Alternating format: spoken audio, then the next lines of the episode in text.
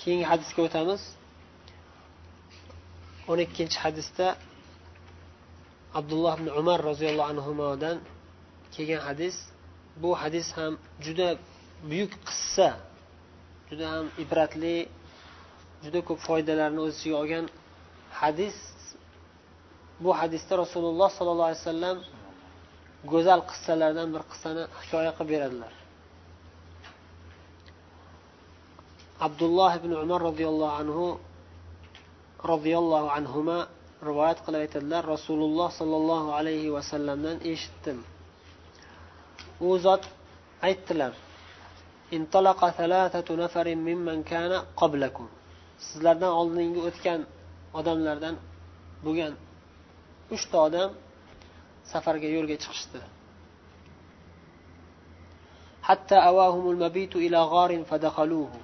Yo'lda ketayotib kechasi charchab endi biz endi hadis tarjima qilib ketaveramiz. Arabchasini ozgina o'qib ozgina tarjima qilib ketaveramiz.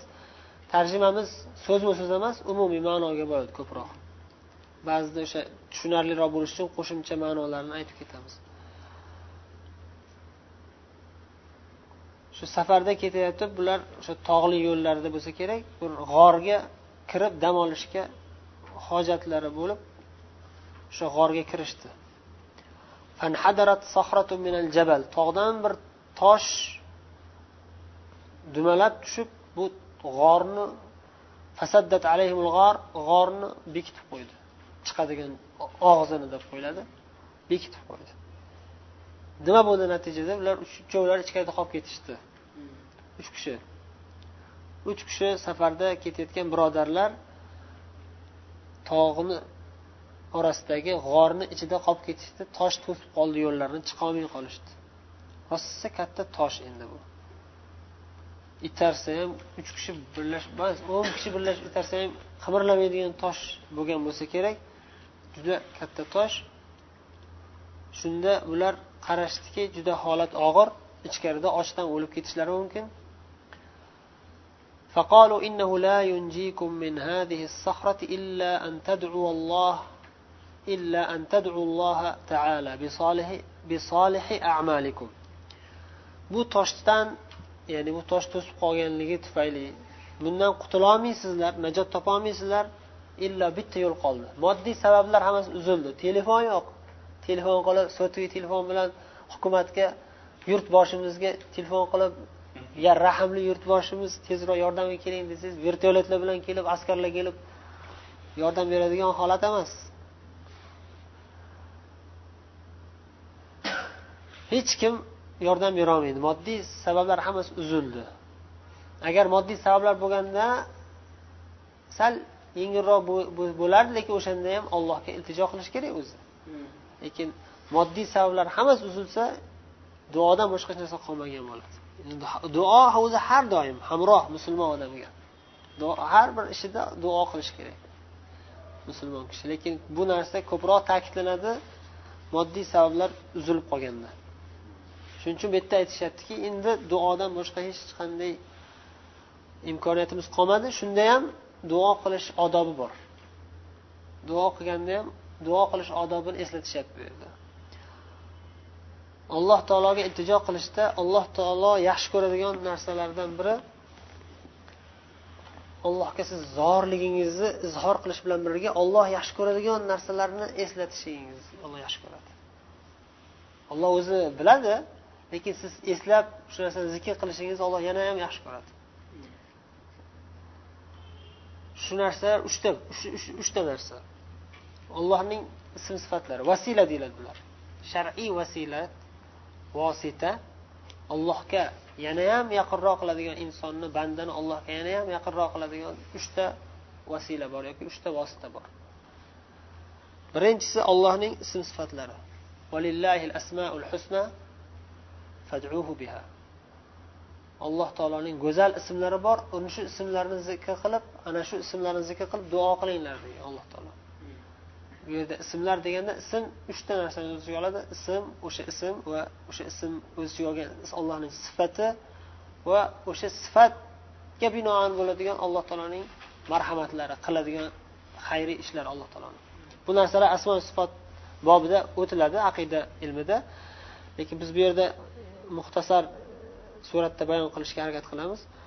Ya'ni allohni ism sifatlari bilan allohga iltijo qilish birinchi vasila yoki birinchi vosita. Duoyingizni ijobat bo'lishiga sabab bo'ladigan vasilalardan birinchisi.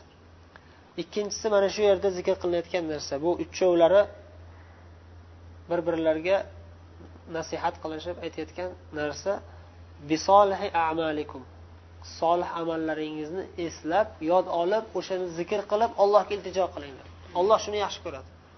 Duo qilganingizda allohga ey olloh men sen uchun agar xolis qilgan bo'lsangiz uni albatta.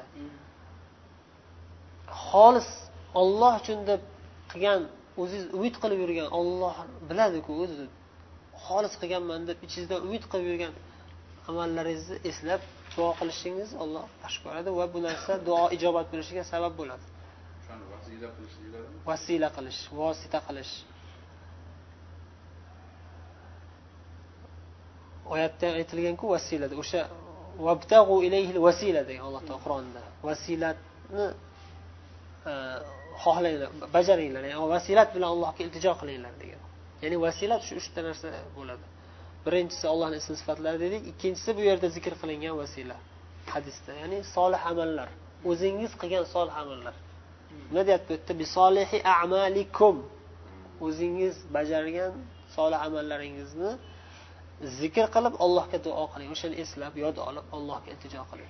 Ey olloh men sen uchun falon ishni qilganman ey olloh sen uchun qilganman. Hech kimdan hech qanday narsa ko'zlamaganman. Xolis o'zing uchun qilganman shuning uchun men senga iltijo qilaman yana mana shu musibatdan meni qutqargin. Yoki mana falonchi bir talabimni bajargin ey olloh amalga oshirgin ro'yobga chiqargin. Va hokazo. Uchinchisi nima? Uchinchisi eng oxirida turadigan. Yaxshi odamlarni solih insonlarni avliyolarni tirik oldingizda turgan avliyolardan duo qilishini iltimos qilish. Bizni haqqimizga yoki hajga ketayotgan hojilarga aytishadiyu bizni ham duo qilib qo'yinglar. Shu ham bor shariatda bu ham bir vasila ya'ni. Ya'ni allohga duo qilasiz o'zingiz shu bilan birga mo'min odamni duosini ham so'raysiz. Mo'min odamni duosini talab qilish bor narsa lekin bu oxirida turadi.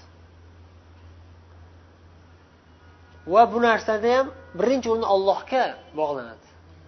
Bu narsani sahobiy ikromlar o'zlari amalda ko'rsatishgan qanday bo'lishini. Jumladan umar roziyallohu anhu istisqo namozi o'qiganda nima dedilar? Hmm, yomg'ir bilasizlar yomg'ir yog'may qolsa istisqo namozi o'qiladi. Istisqo namozi o'qib turib istisqo namozi o'qib turib duo qilinadi.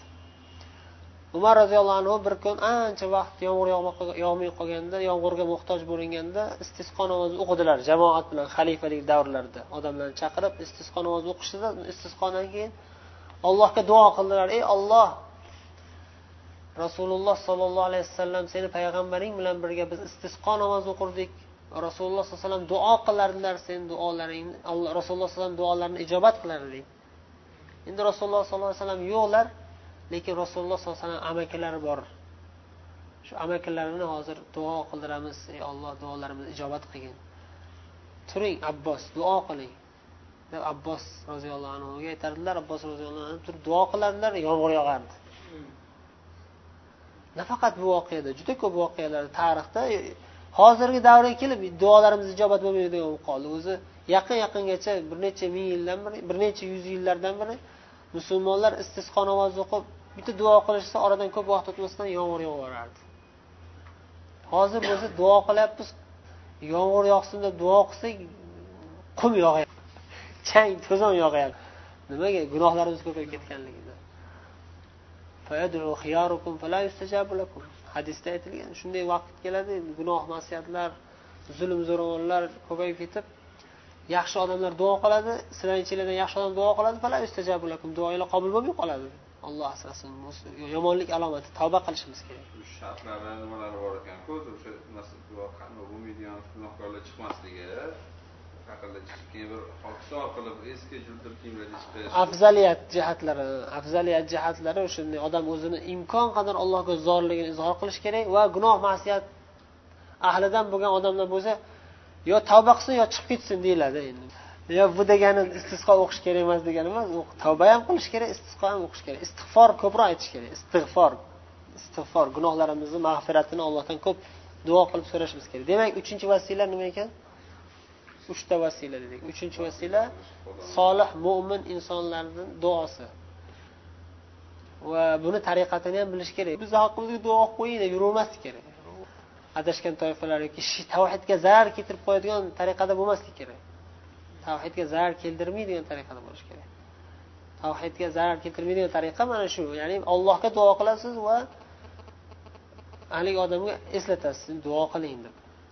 Bu yerda yana bir narsaga e'tibor berishadi ulamolar. O'zingizni shaxsiy narsalaringiz bo'lmasligi kerak iloji boricha. O'zizni shaxsiy muhtojligingizga o'zingizga xos bo'lgan muhtojliklarda boshqa odam aralashtirmaslik afzal deyishadi. O'ziz unday holatda faqat ikkita vasila o'sha allohni ism sifatlari va o'zingizni solih amallaringiz bilan. Boshqa odamlar bizni meni haqqimga duo qilib qo'ying deyish uncha afzal emas deyishadi. Joizligi joiz lekin uncha afzal emas. Ammo islom ummatiga taalluqli bo'lgan narsalarda aytiladi. Duo qilinglar islom ahliga. Istisqo namozi bo'ladi boshqa umar roziyallohu anhu aytgan tur abbos turing abbos duo qiling deganliklar. Bu hozir duo odoblari ichida keldimi hadis alohida. Yo'q endi hozir o'sha amalikum deganda biz o'sha munosabat bilan sharhlab esimga tushganini aytyapmiz. Endi boshlandi. Birinchi odam duo qilish boshladi keyin ikkinchi ular hammasi ketma ket duo qilgan o'zi bittasi sal kechroq ikkinchisi uchinchisi sal kechroq bo'lgan bo'lsa ham lekin balki yana ehtimol bittasi duo qilganda ikkitasi omin deb turgan bo'lishi mumkin. Endi siz duo qiling endi siz duo qiling deb turib navbat bilan duo qilgan bo'lishlari ham mumkin. Bu ham ehtimol. Qolganlar antadulloh allohga duo qilish bilangina. Qanday duo qilasiz? Bisolih amalikum. Yaxshi qilgan solih amallaringizni eslashlik bilan o'shani vosita qilishlik bilan. Birinchi inson E, bular uch kishidan birinchilari boshladilar duo qilishni. Minhum shu uch ulardan birlari aytdi duo qildilarki ey olloh meni ikkita otam bo'lardi yoshlari ulug' shayxoni kabiron degani ya'ni yoshlari ulug' qariya degani ota onam ikkita ota ya'ni ota onam ikkita otam tarjima qildim ota onam bo'lardilar. Ota onam bo'lishardi. Yoshlari katta ulug' yoshli.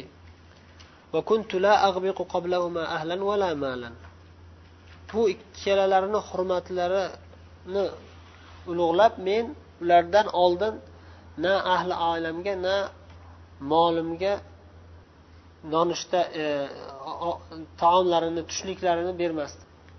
Kechki ovqat. Kechki taomni g'abuq deyilardi g'abuq ya'ni bu kishi kunduzi bilan ish qilib kechqurun taom olib kelib birinchi o'rinda ota onalarga berardilar. Ahli oilalar farzandlari va qullari bo'lsa qullari yoki hayvonlari bo'lsa mol qo'ylari bo'lsa ularga oxirida qarardilar. Birinchi o'rinda kimga qarardilar? Ota onalariga qarardilar. Ota onamdan oldin boshqa hech kimga taom bermasdim birinchi o'rinda ota onamga berardim. Nimaga desa chunki ota onani hurmati ulug'ligi uchun ota onani hurmat qilib ular ularni ulug'lash farzligi uchun olloh buyurgan buyuk solih amal bo'lganligi uchun.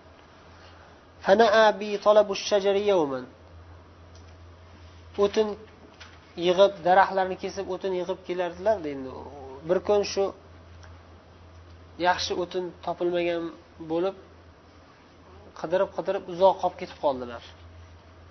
Falam aruh alayhima hatta nama.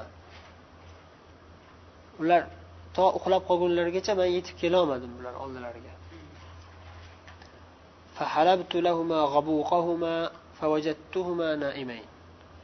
Ularga man ularni tushlik ovqatlarini sut olib kelib ya'ni kechki kechki taomga sut olib kelish Э, bo'lgan ekan o'sha kuni endi. O'sha mollarini sog'ib olib kelgunlaricha uxlab qolishibdi. Qarab kelib kelib qarasam u ikkovlari uxlab qolishgan ekan ota onam deyaptilar ularni uyg'otishlikni yoqtirmadim. Ya'ni bezovta qilgim kelmadi. Charchab uxlashgan uxlashsa endi ular ibodat bilan mashg'ul bo'lishgan bo'lsa kerak balki ro'za tutishgandir. Allohu alam endi tafsilotlarini bilmaymiz. uyg'otgulari kelmadi uyqularini buzgulari kelmadida o'zlari uyg'onib qolarmikinlar deb kutib o'tirdim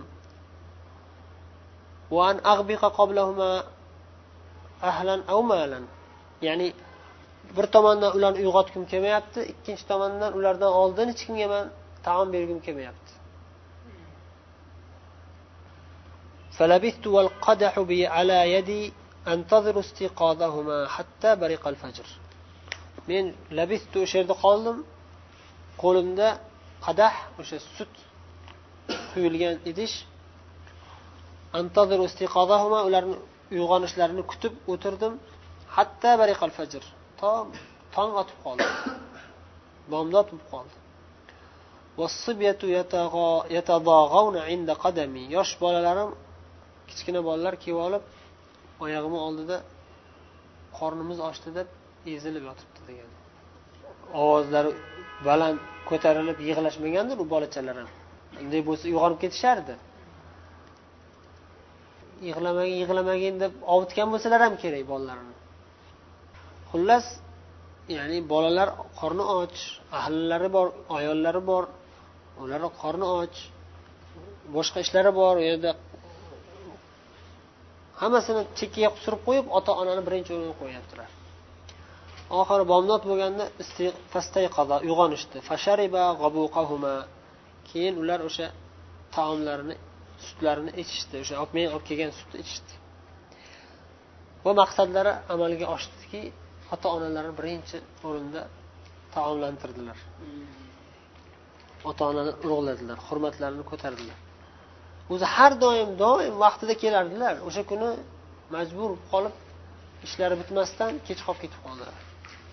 اللهم إن كنت فعلت ذلك ابتغاء وجهك ففرج عنا ما نحن فيه من هذه الصخرة ey ollohim mana shu ishni men sen uchun xolis qilgan bo'lsam shu amalni o'zing bilasan men xolis qilganman deb o'ylayman lekin baribir sen mendan yaxshiroq bilasan ey olloh o'zing bilasan agar sen uchun xolis qilgan bo'lsam mana bu tosh tufayli biz boshimizga tushgan mana bu musibatni bizdan ko'targin Dedilar. Nima bo'ldi natijada? Fanfarajat shayan. Tosh ozgina sidirildi. Qimirlab sekin ozgina ochildi. Lekin sig'maydi inson sig'maydigan darajada ozgina qimirladi xolos. Nima uchun bunday bo'ldi? Alloh taoloni hikmati. Endi bu hammalariniki alloh taolo hammalarini ko'rsatmoqchi ya'ni har birini ibodatini fazilatini ko'rsatmoqchi. Va har uch kishi bo'lsa uch kishi uch xil amal qilgan. Endi amallari ko'p lekin o'sha eng o'zlari xolis deb bilgan amallari eng kuchli xolis bajarganim deb bilganlari ham uch xil. Bittasi boshqa sohada bir yana bir boshqa sohada. Lekin uchalasini ham birga jamlab turadigan bitta narsa nima? Ixlos. Shuning uchun mana shu ixlos bobida keltirilyapti. Uch xil sohadagi amal bo'lsa ham lekin uchalasi ham birlashtirgan narsasi fazilatini baland qilib ko'targanligi sabab bo'lgan narsa ixlos kuchliligi. Demak bu yerda ota onani fazilati ota onani hurmat qilish fazilati va o'sha narsani ixlos bilan bajarishlik fazilati niyat xolis bo'lganligi zohir bo'lyapti. Qolal axar keyingi odam aytdi duo qildi u kishi ham. Allohumma innahu kanat li ibnatu am. Mana bir amakimni qizi bo'lar edi. ey ollohim kanat ahabba nasi ilayya menga odamlarni ichida eng suyukli men eng ko'p yaxshi ko'rgan ayol edi وفي رواية boshqa bir rivoyatda kuntu uhibbuha ka ashaddi ma yuhibbu rijalun nisa erkak kishilar ayollarni ayol kishini qanchalik qattiq yaxshi ko'rsa eng qattiq yaxshi ko'rgan edim o'sha ayolni ala nafsiha Men ana shu ayolni bir kun erkak kishi ayol kishidan xohlaydigan narsani xohlab talab qildim. Minni mendan bosh tortdi u. Harom. Harom ishga shayton vasvasa qilgan. Hatta alammat biha sanatun min sini yillardan bir yili unga bir og'ir hojat tushib og'ir holatga tushib haligi ayol ochlik bo'lib majbur bo'lganidan o'zini amakisini o'g'liga keldi. Haligi shu gapirayotgan duo qilayotgan odam bu amakisini o'g'li bo'ladi. Amakivachchasi deylik amakivachchasini oldiga keldi. Fajaatni menga keldi deyaptilar endi bu kishi. Bir yuz yigirma dinor berdim bitta shart bilan ala an bayni va bayna nafsiha. Endi bu ayol ham juda og'ir holatga tushgan juda ocharchilik holat juda qiyin holat. Boshqa hech kim bo'lmagan bo'lsa kerak. Bir yuz yigirma dinor o'sha payt pulida endi qanaqa qaysidir bir davlat bo'lganda o'sha payt ham dinorlarni pechat qilib chiqaradigan. Shu shartki men xohlagan ishimni qilaman.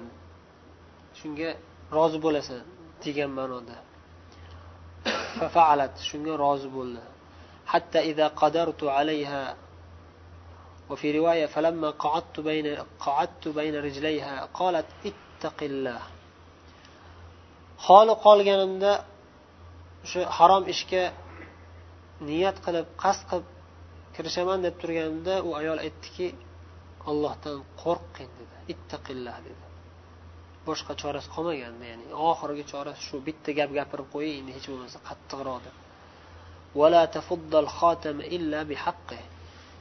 Bu xotam uzukni haqqini ado etmasdan buzmagin dedi. Ya'ni ma'nosini o'zinglar bilasizlar nima demayotganini muhrlanganda endi xuddi. Muhrlangan muhrni bu muhrlangan narsani buzmagin illo haqqini ado etgan holda ya'ni nikoh bilan aqd qilib guvoh qilib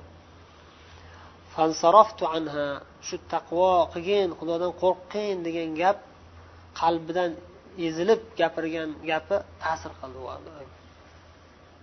u bo'lmasam hech kim yo'q edi hech kim qaytaramas qaytarmayotgan bu harom ishdan hech kim ko'rmayotgan odamlardan. Hamma tomonlarini o'ziga moslashtirib olgandi bu odam. Ehtiyot choralarini ko'rib lekin olloh borligini unutib qo'ygandiki g'aflatda qolganda bu ayol oxiri shu gapni qattiq gapirganda ezilib bir ichidan gapirganda qalbiga yetib bordi. Olloh xohladida bu odamga yaxshilikniki esladi ollohni taqvosi kuchaydi o'sha zahoti g'aflatdan uyg'ondi. Anha deyapti. Shu gapni aytgandan keyin men bu ayoldan tortildim uzoqlashdim. Vaholanki bu ayol menga eng suyukli ayol holatida bo'lib turgan bo'lsa ham lekin men ollohdan qo'rqgin degan gapiga binoan undan uzoqlashdim. Va nafaqat shu bilan kifoyalandim balki o'sha bergan tillolarimni ham tashlab ketdim o'sha ayolga. Unga bergan tillanim bir yuz yigirma dinorimni tashladim senga dedim shu iymoni kuchayib ketdi va bu narsani olloh uchun qildi hech kim ko'rmayotgandi hech kimdan qo'rqmayotgandi ollohdan qo'rqdi faqat bu hali bundan oldingi hadisga bog'liqligi jihati nima bir gunoh ishga qasd qilib turib keyin o'sha gunohni ollohdan qo'rqib tark qilishlik bu ham xuddi o'shanga o'xshash voqea bir qattiq gunohga qasd qildida keyin ollohdan qo'rqgin degan gap ta'sir qilib ollohdan qo'rqib olloh uchun tark qildi اللهم إن كنت فعلت ذلك ابتغاء وجهك فافرج عنا ما نحن فيه ey ollohim men mana shu ishni ya'ni tark qilishni gunoh ishni qasd qilib turib keyin olloh uchun tark qilish shu ishni tark qilganimda seni yuzingni xohlab ollohni yuzini ey olloh seni yuzingni xohlab sen uchun ixlos bilan shu gunohni tark qilganim bo'lsa gunohni tark qilishim sen uchun bo'lgan bo'lsa fafruj anna ma nahnu fi. Bizni mana bu biz boshimizga tushib turgan musibatdan qutqargin dedi duosini oxirida.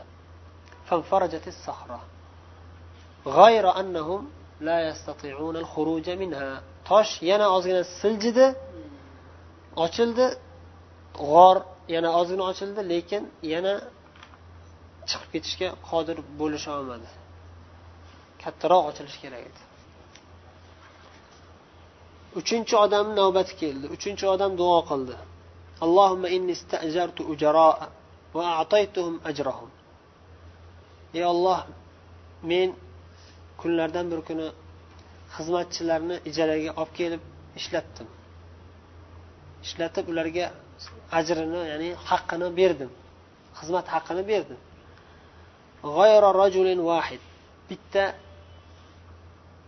odamdan tashqari shu xizmatchilardan bitta mardikorlarni ya'ni mardikorlardan bittasini haqqini bermadim. Nimaga? U odam o'zi arazlab tarqib ketib qoldi. Manga kam beryapsan ko'proq bergin degan bo'lsa kerak. Ketib qoldi o'zi arazlab shunda man nima qildim deydi. Bu odam aytyaptiki bu kishi duo qilib aytyaptilarki ey olloh men ana shu odamni haqqini yeyormadim aksincha uni haqqini men ko'paytira boshladim mevalatish boshladim ya'ni aylantirib hatta kasurat minhul amval shu darajada ko'paytirdimki mol mulklar ko'payib ketdi. U odamni molidan shu balki yuz dinordir haqqi balki undan kamroqdir. Lekin haligini aylantiraverdi qo'y sotib olgan qo'y mol sotib olgan uni keyin tuqqan boshqa aylantiravergan aylantiravergan ko'paytiravergan hatto mollar ya'ni boyliklar ko'payib ketdi u odam pulidan ancha vaqtdan keyin yana haligi odam og'ir holatga tushganu haqqi borligi esiga tushganu keldi mani oldimga. Faqola ya الله addi ilayya ajri. Ey ollohning bandasi meni haqqimni ber menga esingda bormi? Men senga xizmat qilganman haqqimni bermagansan. Ber endi deb bitta qisqa qisqa keltirilyaptida endi. Ya abdulloh addi ilayya ajri. Ey ollohning bandasi ey abdulloh ey abdulloh ey ollohning bandasi ey inson. Ey banda xudodan qo'rqqin deganda eslatyapti. Sen ham ollohni bandasisan. Meni haqqimni bergin. Shunda men aytdimki faqultu kullu ma tara min ajrik min al-ibli wal baqari wal raqiq. Mana shu vodiyda sen ko'rib turgan narsalar hammasi o'sha seni haqqingdan ko'paygan narsalar. Tuyalarmi mol sigirlarmi qo'ylarmi hatto ularni boshqarib turgan o'sha qullarimmi ular qullarmi hammasi xizmat qilayotganlar u bu hamma shu vodiydagi qo'y tuya mollar hamma seni haqqingdan ko'payib shuncha ko'pgina bo'lib ketdi. Bular hammasi seniki dedi.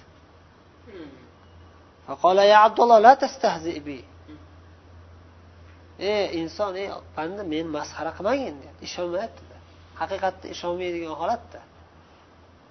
Meni masxara qilmagin sen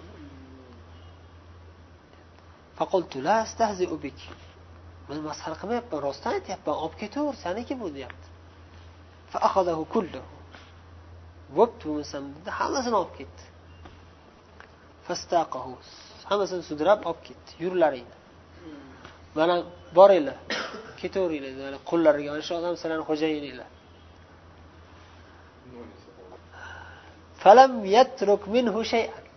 Bitta narsa tashlab ketmadi.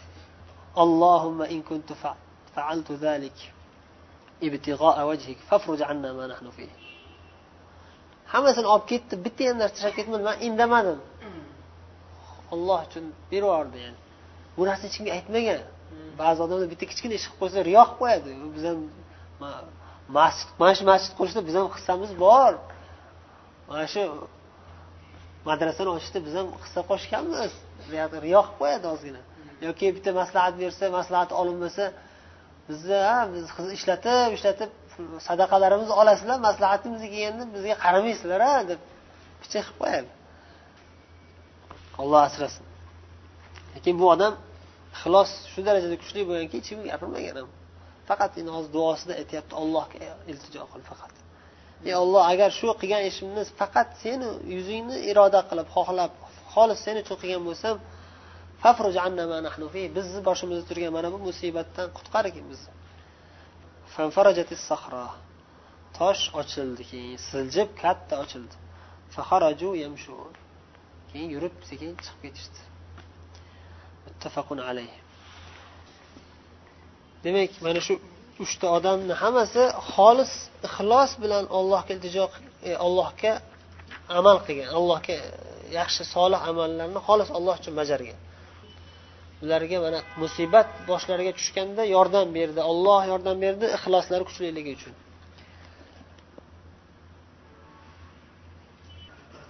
Bu yerda sharhda o'sha biz ba'zilarini aytib o'tdik. Shayx zikr qilgan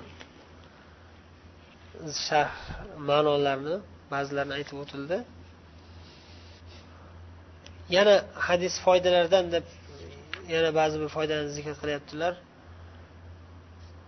Omonatdor bo'lishlik e, boshqalarga yaxshilik qilishlik o'sha haligi inson masalan o'sha birovni haqqini ko'paytirib unga xizmat qilib turdi xolis e, omonatini saqlab buni ustiga ko'paytirib. Keyin yana foydalardan deyapti bayan qudratilloh azza va jalla allohni qudrati cheksiz ekanligiga bir ishora. toshni yumalatib bekitib qo'yib turib keyin o'zi yana ochib tashlashligi va duoni asoratini ko'rsatishligi alloh taolo har bittasi duo qilganda sekin sekin ochilyaptida ollohni izni bilan bo'lyapti bu narsalar nimaga o'zidan o'zi ochib ketmayapti yoki hammasi bittasi bittasi duo qilsa ozgina ochadi allohni hikmati bu va qudrati سبحانك اللهم وبحمدك نشهد أن لا إله إلا أنت نستغفرك ونتوب إليك shu bilan birinchi bob tugadi. Ikkinchi bob tavba bobi inshaalloh keyingi safarlar. Subhanalloh. Allohni qudrati allohni mo'minlarga bo'lgan rioyati kengda subhanalloh. Jazakumulloh xayr. Barakallohu fikum